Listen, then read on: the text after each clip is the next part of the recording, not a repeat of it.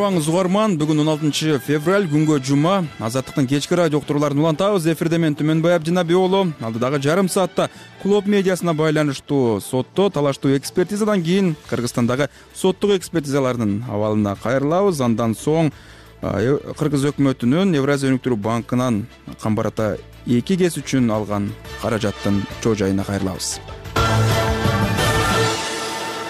азыр микрофондо замира кожобаева соңку жаңылыктарды айтып берет. Рахмат саламатсызбы? Орусияда абактагы оппозиционер саясатчы алексей навальный каза тапканы кабарланды бул тууралуу бүгүн он алтынчы февралда орусиялык жалпыга маалымдоо каражаттары өлкөнүн федералдык жаза аткаруу кызматына таянып жазышты мекеменин билдиришинче ямал нес автоном округундагы үчүнчү түзөтүү мекемесинде жаза мөөнөтүн өтөп жаткан навальный сейилдеп келген соң өзүн начар сезип дароо эсин жоготкон баардык тийиштүү реанимациялык аракеттер жасалды алар оң натыйжа берген жок тез жардам дарыгерлери ал каза болгонун тастыкташты. Өлүмүнүн себебин тактоо жүрүп жатат деп жазылган маалыматта бишкектин биринчи райондук соту бүгүн ихсан кооперативинин жетекчисин он эки жылга кызматкерин он бир жылга эркинен ажыратты. Судья абдималик акматов кооперативдин башчысы акинай бекмурзаеваны он эки жылга эркинен ажыратып аны жабырлануучулардын чыгымдарын төлөп берүүгө милдеттендирди. Кооперативдин дагы бир кызматкери эрмат абылкасымов он бир жылга кесилип сот залынан камакка алынды. Ихсан кооперативине турак жай алуучунун акча салып кийин мүлктү ала албай каражатын да кайтара албай калган жүздөгөн жарандар эки миң жыйырма экинчи жылы жазында бишкекте жана ошто митингге чыгышкан эки миң жыйырма экинчи жылдын июлунда ихсан турак жай кооперативинин жетекчиси акинай бекмурзаева кармалып камакка алынган кооперативдик жооптуу кызматкери аот аттуу жаранга ошол эле жылы ноябрда издөө жарыяланган. Декабрда бекмурзаевага жана аэк аттуу дагы бир кызматкерге айып угузулуп башкы прокуратурага жөнөтүлгөн иш андан ары сотко өткөн ишкерлердин укуктарын коргоо боюнча прокурордук текшерүүдө бишкектин октябрь райондук сотунун судьясы сот адилеттиктине жатпаган чечим чыгарганы аныкталды. Башкы прокуратуранын маалымат кызматы кабарлагандай текшерүү учурунда кс жоопкерчилиги чектелген коомдун жууптуу адамы чет элдик инвесторго таандык кыймылсыз мүлктү алдамчылык жол менен реализациялап көп кабаттуу имаратты жыйырма беш адамга сатып жибергени такталган. Сот муну билип туруп мыйзамсыз келишимдерди мыйзамдуу деп таап чет элдик инвестордун менчик укугун бузган. Башкы прокуратура бул факты боюнча судьяга кылмыш ишин козгоду тергөөнү улуттук коопсуздук боюнча мамлекеттик комитети жүргүзөт. Октябрь райондук сотунун судьясынын аты жөнү ачыкталган жок. Мурдараак башкы прокуратура тогуз туроо райондук сотунун мурдагы төрагасына дагы кылмыш ишин козгогон болчу орусия украинанын ат кулоосун улантты бир адам мерт кетти. Орусия украинанын аймагына чабуулдарын он алтынчы февралда дагы улантып херсон облусунда артиллерия миномет дрон жана жапырт аткылоочу реактивдүү системалардан соккурганы кабарланды.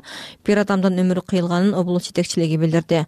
Запорожье облусундагы он жети калктуу пунктка жүз жетимиш эки жолу соккурулганы алты адам жаракат алганы кабарланды. Полтавада эки күндөн бери ракеталык чабуул жасалып жатканын жергиликтүү тургундар арасында жабыркагандар жок экенин жергиликтүү бийлик маалымдады ал эми фронт тилкесинде соңку суткада токсон беш жерде кагылышуу болгонун украина аскерлери орусиянын жети багытта жасалган чабуулдардын мизин кайтарышканын алардын көпчүлүгү авдеевка жана маринкада катталганын украин куралдуу күчтөрүнүн башкы штабы билдирди. Казакстанда каракалпак активисти акылбек муратбай кармалды. Маалыматты он алтынчы февралда алматы полициясынын департаменти тастыктады мекеменин маалыматы боюнча азыр өлкөнүн башкы прокуратурасы аны өзбекстанга экстрадициялоо маселесин карап жатат алматы каласынын полиция кызметкерлери казакстандын башкы прокуратурасы жарандык үй бүлөлүк жана кылмыш иштери боюнча укуктук жардам жана укук мамилелери тууралуу конвенцияга ылайык өзбекстандын полициясы издөө салган акылбек муратбайды экстрадициялоо маселесин карап жатат деди алматы полиция департаментинин басма сөз катчысы салтанат азирбек он бешинчи февралдын кечинде акылбек муратбай икс социалдык тилүндөгү баракчасына анын үйүнө күч кызматкерлери келгенин жазган кийин активистти кармап кетишкени белгилүү болгон укук коргоочулардын айтымында активистке өзбекстанда коомду коопсуздукка жана тартипке коркунуч келтирүүчү материалдарды даярдоого жайылтууга жана өлкөнүн конституциялык түзүлүшүнө кол салуу деген мүнөздөгү айыптар тагылган. Акылбек муратбай алматыдагы каракалпак диаспорасынын баштарынын бири катары белгилүү. Ал каракалпак активисттеринин укугун коргоо менен алектенип келет тышкы иштер министрлиги казакстанда кыргызстан айдоочулук көлүктөрү кайсы учурда жараксыз болоорун түшүндүрдү мекеменин маалыматына ылайык казакстандын жол кыймылы жөнүндө мыйзамы боюнча ал жакта убактылуу жүргөн чет эл көлүктөрү анын ичинде кыргызстандыктар дагы өздөрүнүн улуттук айдоочулук көлүгүн эркин пайдалана алат. Ал эми казакстанда жашоого уруксат алган чет эл көлүктөр алтымыш күн ичинде айдоочулук көлүгүн казак үлгүсүнө алмаштырылышы керек деп жазылган анда. Тышкы иштер министрлиги жол кыймылы жөнүндө конвенциянын талаптарына жооп берген чет эл көлүк айдоочулук көлүгүн алмаштырууда тиешелүү документтерден чогуу эле теориялык экзаменди дагы жакшы тапшыруу талап кылынаарын эскертти. Маалыматта кыргызстан менен казакстан улуттар уюмунун жол кыймылы жөнүндө вена конвенциясынын мүчөлөрү болгондуктан тараптардын аймагында берилген айдоочулук көлүктөрүн өз ара тааный турганы дагы белгиленген.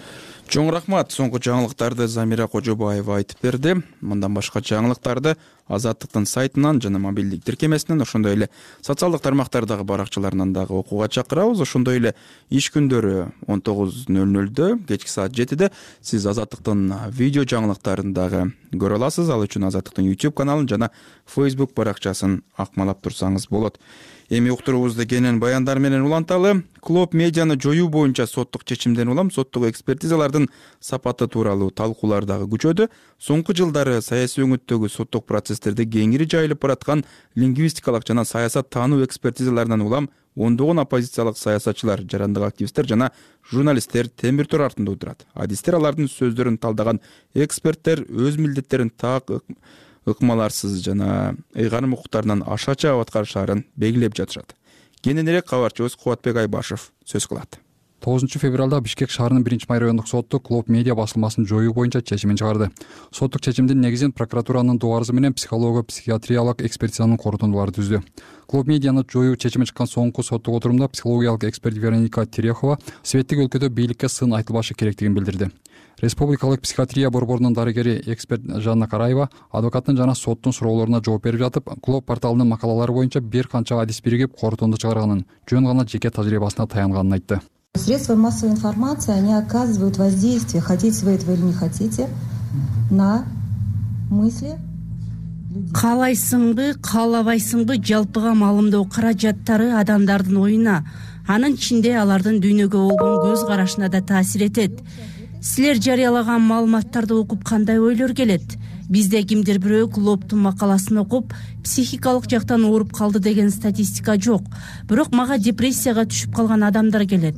Алар менен баарлашканда өлкөдө башаламандык болуп жатканын айтышат. Муну кайдан алдыңыз десең анын ичинде жалпыга маалымдоо каражаттарын айтышат. Безобразие.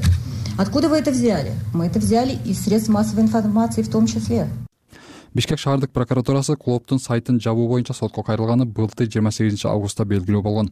Шаардын прокурору эмилбек абдыманаповдун арызында клоп басылмасы азыркы бийликтин жүргүзгөн саясатын кескин сындап мамлекеттик муниципалдык ишканаларынын өкүлдөрүнүн кадыр баркын кетирүүнү көздөгөн терс мүнөздөгү маалыматтарды көп жарыялай турганы жазылган көзөмөл органы катынына клоп медиа уставында көрсөтүлгөндөн сырткары ишмердик кылып сайтында жана социалдык тармактарда жарыялаган материалдары азыркы бийликтин жүргүзүп жаткан саясатын кескин сындоого багытталган деп билдирген. Доо арызында кыргызстандагы бир катар көйгөйлөрдүн себеби катары клоп басылмасын көрсөткөн.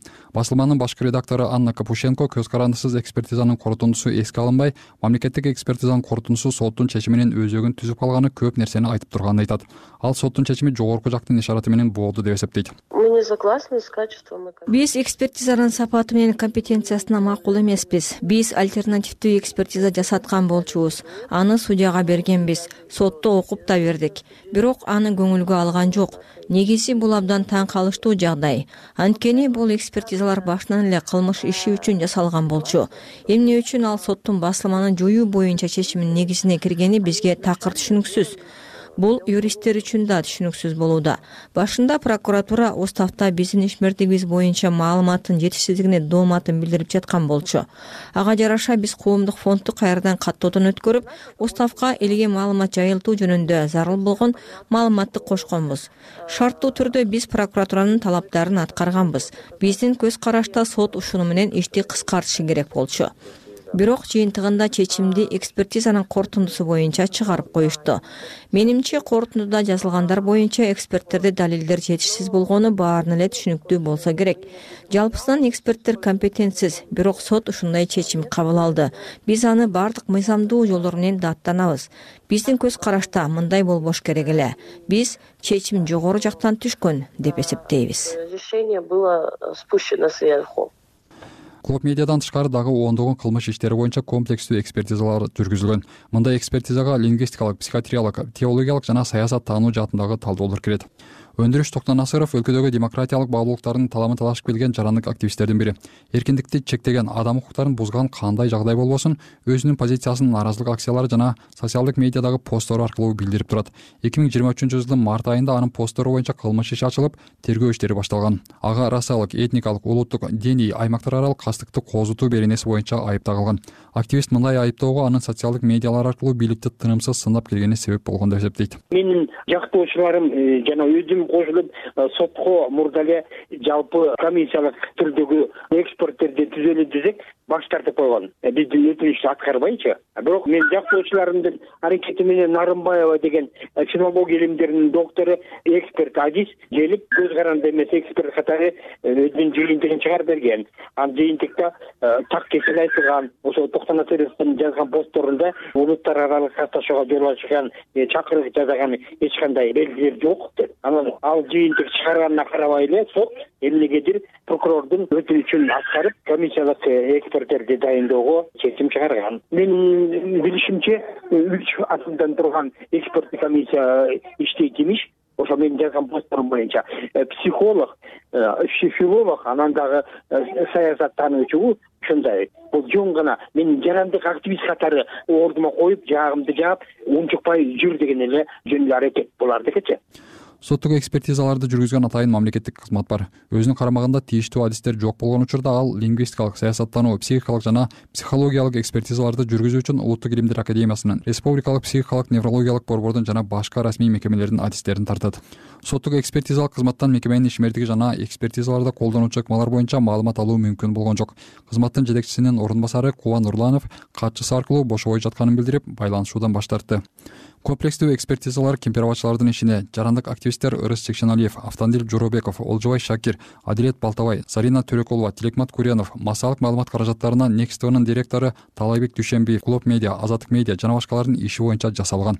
Алардын баарында тең эксперттер айыпталуучулардын сүйлөгөн сөздөрү менен жарыялаган материалдарында бийликти басып алууга жапырт башаламандык уюштурууга мамлекеттик түзүлүштү кулатууга улуттар жана аймактар аралык кастыкты козутууга чакырыктарды жасаган деген корутундуларды чыгарып берген медиа полиси уюмунун юристи акмат алагушев көптөгөн чуулгандуу иштер боюнча экспертизаларда айрым эксперттер соттун функциясын аткарып калган учурлар болуп келатканын жана мындай көрүнүш мурунку президент алмазбек атамбаевдин заносу сайтын сотко берген учурда башталганын айтат.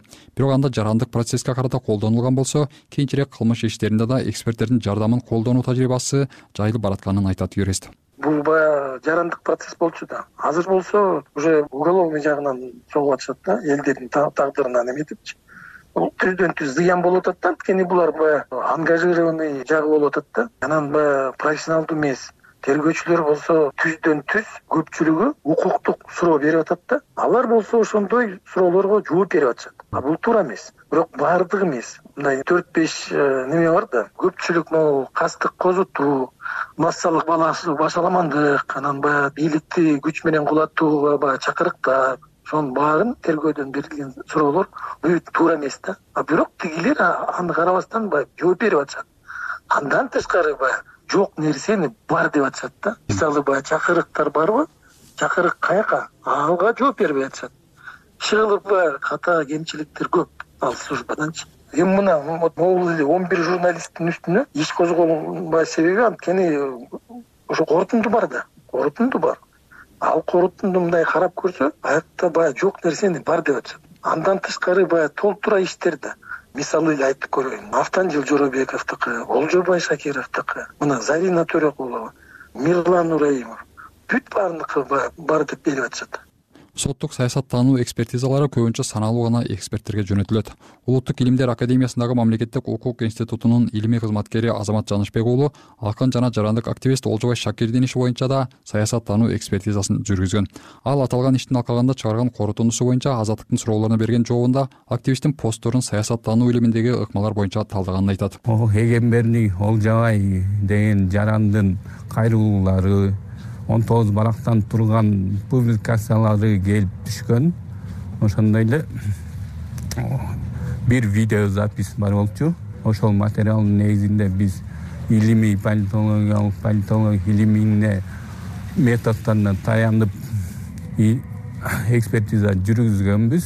Ошону менен биз ушул жарандын сөздөрүндө чакырыктар бийликти күч менен басып алууга жана башаламандык уюштурууга чакырыктар бар деп жыйынтыкка келгенбиз. Айта кетчү нерсе бул баарыбызга маалым болгон августтын башында ошо төрт пансионат өзбекстан инвесторлорго ижарага берилди де бул жарананын мыйзамсыз берилген деген дагы буйрук такталбаган маалыматты тараткан андан соң отуз бешинчи августту августта мыйзамсыз митингге келип берчү келип берүүгө чакырган эмне себептен биз мыйзамсыз деп атабыз? Анткени биз материалды алгандан кийин биз салыштырмалуу жана жарыяланган политологиялык политикалык сөздөргө таянып жазабыз саясаттануу боюнча соттук экспертиза жүргүзүү соңку эки жылдан бери активдүү колдонулуп келет. Азамат жанышбек уулу дагы бир катар саясий иштер боюнча экспертизаларды жүргүзгөн. Алардын бири мамлекеттик түзүлүштү кулатууга даярдык көргөн деген айып менен камакта отурган жыйырма жети саясатчы менен жарандык активисттин иши ал иш боюнча айыпталуучулардын бири конституциялык соттун экс судьясы клара сооронкулова эксперттин кесиптик компетенциясы жок экенин жана талдоолор так ыкмаларсыз жасалганын айтат. Политологиялык экспертиза деген өзү вообще э, соттук экспертизада мындай түшүнүк жок да. Аны эки жыл үч жыл мурун орусиялар орусиялык немелер киргизген россияда киргизген да.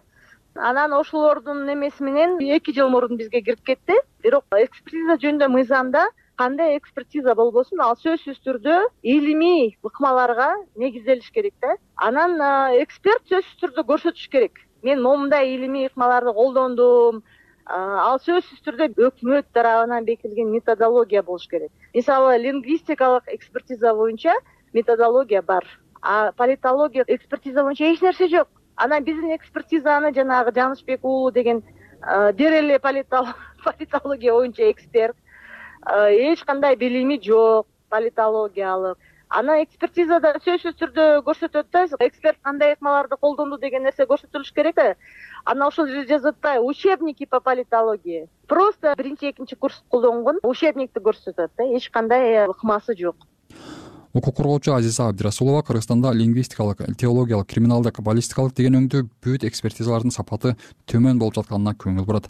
Ал илимдер академиясы менен юстиция министрлигин мындай көрүнүштөргө кылдат көңүл бурууга чакырат. Сапаты начардыгынан биринчиден көп кылмыштардын бети ачылбай калат. Кылмыш иштери айлап жылдап тергөөдө туруп калат анан кийин соттук териштирүүдө дагы көп суроолор пайда боло берет да. Мынакей башканы айтпайын мынку кемпирабад маселеси боюнча дагы көп маселелер ошо лингвистикалык экспертизага байланыштуу болуп атат. Бул жерде адвокаттар тергөөчүлөр соттор айрыкча прокурорлор талап кылыш керек. Кандай методология? Мисалы үчүн лингвистикалык экспертизада мен көп эле экспертизанын жыйынтыктары менен таанышып атам да. Анан өзүлөрүнүн эле ички туюму менен ички түшүнүгү менен эле жыйынтык чыгарып коет а любой экспертизанын методологиясы бар ссылкалары бар. Кимдин методуна колдонулду. Ар бир сөздүн э, түпкү маанисин чечмелеп андай экспертиза деген бизде мындай жетишээрлик жогорку деңгээлде адамдарга ишенич жараткан лингвистикалык экспертиза жок. Ошондой эле экспертиза башка экспертизанын түрлөрүндө айрыкча мени э, мына укук коргоочу катары тынчсыздандырган теологиялык экспертиза. Аябай көп суроо жаратат. Себеби постоянно карапайым адамдар бирден бирден камалып эле ошо окшош эле шаблон менен эле чыга берет да алардын жыйынтыгычы. Абдирасулованын айтымында буга чейин теологиялык экспертизанын жыйынтыгы менен эле бир жылда эки миң үч миңге чейин адамдар камалып турган. Кубатбек айбашев азаттык.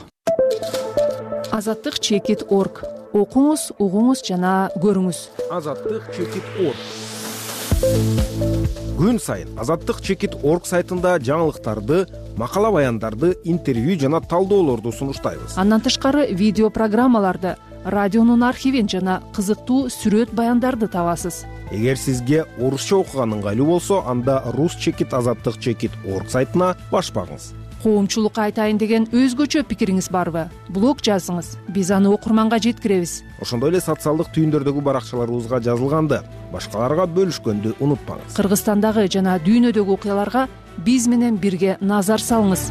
Окуңуз угуңуз жана көрүңүз. Азаттык чекит орг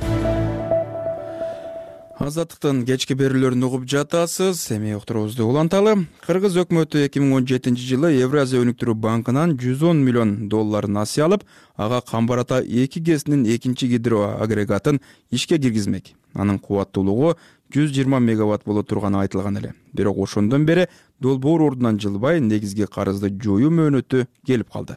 Кыргыз өкмөтү эки миң жыйырма төртүнчү жылы отузунчу марттан тарта жыл сайын эки жолу үч миллион беш жүз кырк сегиз миң үч жүз сексен жети доллар төгүп турушу керек. Ошентип кыргызстан баштан эле долбоор үчүн акча төлөп баштоонун алдында турат. Бирок ошол эле учурда камбар ата экиге агрегат орното турган компания да аныктала элек сөз айбек бийбосуновдо жүз он миллион эмне болгон насыя эки миң он жетинчи жылы жыйырма сегизинчи февралда кыргызстан менен евразия өнүктүрүү банкы камбар ата гэсинин экинчи гидроагрегатын ишке киргизүү долбоорун каржылоо үчүн евразия турукташтыруу жана өнүктүрүү фондунан инвестициялык кредит берүү жөнүндө келишим түзгөн.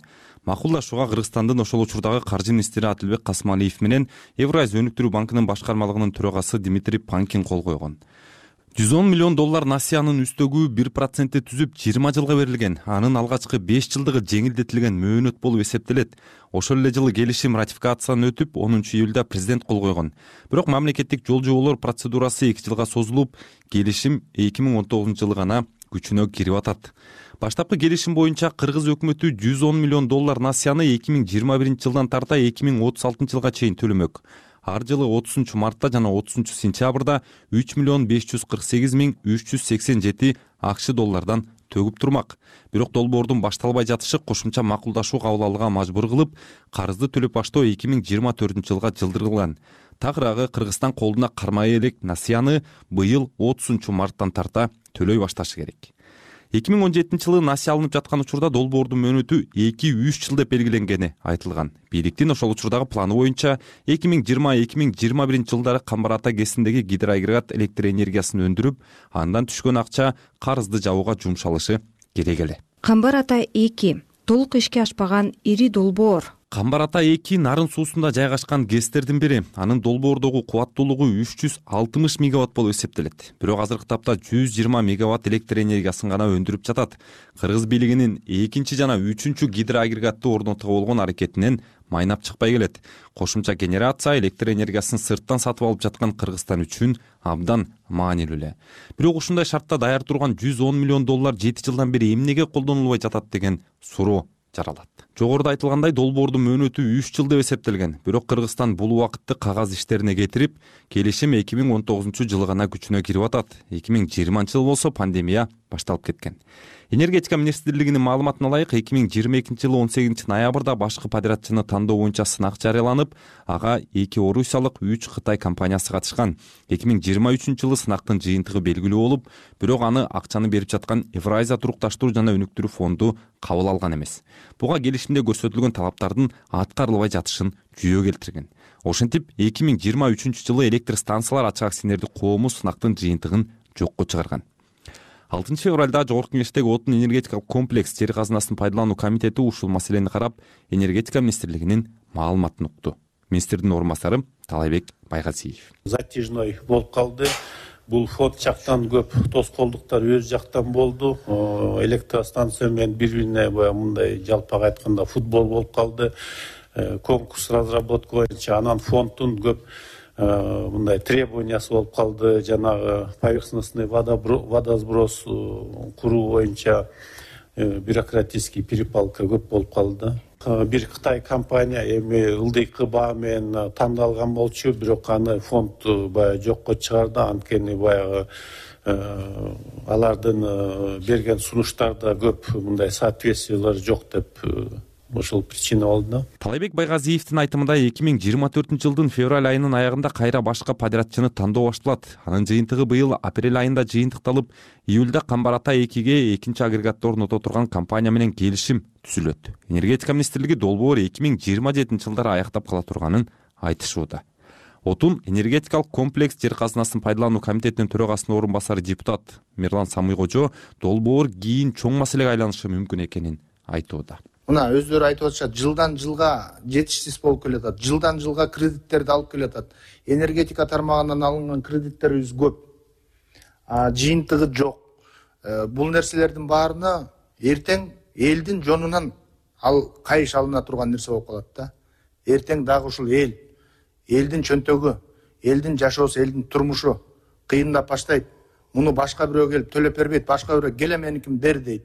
Кыргыз бериш керек болот да ушул кредит маселелерине келгенде кичине олуттуураак мамиле кылганыбыз оң болмок да жогорку кеңештин тармактык комитети насыяга кол коюлгандан бери тиешелүү мамлекеттик органдар бул жаатта иш алып барбагандыгына көңүл буруу керек деп тапты. Насыяны төлөө мөөнөтүн дагы жылдыруу аракети эки миң жыйырма үчүнчү жылы март айында кыргызстанга евразия турукташтыруу жана өнүктүрүү фондунун долбоорлук блогунун аткаруучу директору андрей широков келип бир катар жолугушууларды өткөргөн. Ошондо камбар ата экиге байланыштуу маселе көтөрүлүп кыргыз бийлиги насыяны төлөө мөөнөтүн дагы жылдырганга аракет кылган. Андагы сүйлөшүү боюнча финансы министринин орун басары руслан татиков буларды айтты. Широков келбеди беле жакында эле. Э, акылбек усмекович менен э, жолуккан да андан кийин биз финансы министрлиги менен жолукканда биз ошол маселени көтөргөнбүз. Себеп дегенде э, беш алты жыл болду э ошондой баягы ишке ашырбаган үчүн биздин баягы төлөө мөөнөтүн жылдырып бериңиздер деп сураганбыз да. Расмий түрдө катты жөнөтүңүз деп сураган да ошол үчүн мына азыр катты даярдап бүгүн эртең жөнөтөбүз да кыргыз өкмөтүнүн насыяны төлөө мөөнөтүн жылдыруу болгон аракети ишке ашабы же жокпу азырынча белгисиз. Эки миң жыйырма үчүнчү жылы энергетика министри талайбек ибраев энергетика тармагында отуз жылдан бери чогулган карыз жүз отуз жети миллиард сомго жеткенин айтып аны төлөө милдетин мамлекет мойнуна алганын билдирген. Бул кадам инвестиция тартуу үчүн жасалып жатканы айтылган эле. Энерго компаниялардын алкагында алсак тармакка алынган карыздардын токсон беш пайызы улуттук электр тармактары менен электр станциялары компанияларына туура келет жогорку кеңештин депутаты бюджет экономикалык жана фискалдык саясат боюнча комитеттин мүчөсү эмил токтошов бул окуяга юридикалык баа берүү керектигин айтууда. Жүз он миллион э, такыр өз максатына пайдаланган жок. Бул боюнча ошо ошол мезгил көп болуп атат да үч төрт жылдын ичиндеги тийиштүү министрлер же тийиштүү ошо ишкана жетекчилери жооп бериш керек. Көтөрөбүз сөзсүз көтөрөбүз. Көтөрүлөт бул керек болсо комитеттен группа түзүп атайын депутаттык группа. Дагы муну да изилдеп ачыкка чыгарып баарын тактайбыз. Бул мамлекет да. Негизи эле кыргызстандын тышкы карызынын басымдуу бөлүгү энергетика жана жол тармагына жумшалган. Бирок алынган насыяны максаттуу колдонуу боюнча маселе бар экени айтылат. Мындай сөздөргө камбар ата эки кесине байланыштуу долбоордун айланасындагы окуялар далил болуп берүүдө кыргызстан эмнеден уттурду? Бул маселеде бир нерсени белгилей кетүү керек. Жүз он миллион доллар азырда евразия турукташтыруу жана өнүктүрүү фондунун эсебинде турат. Фонд аталган долбоорду түз каржылайт. Тагыраагы башкы подрядчы катары табылган компания менен келишим түзүлгөндө гана каражатты которуп берет.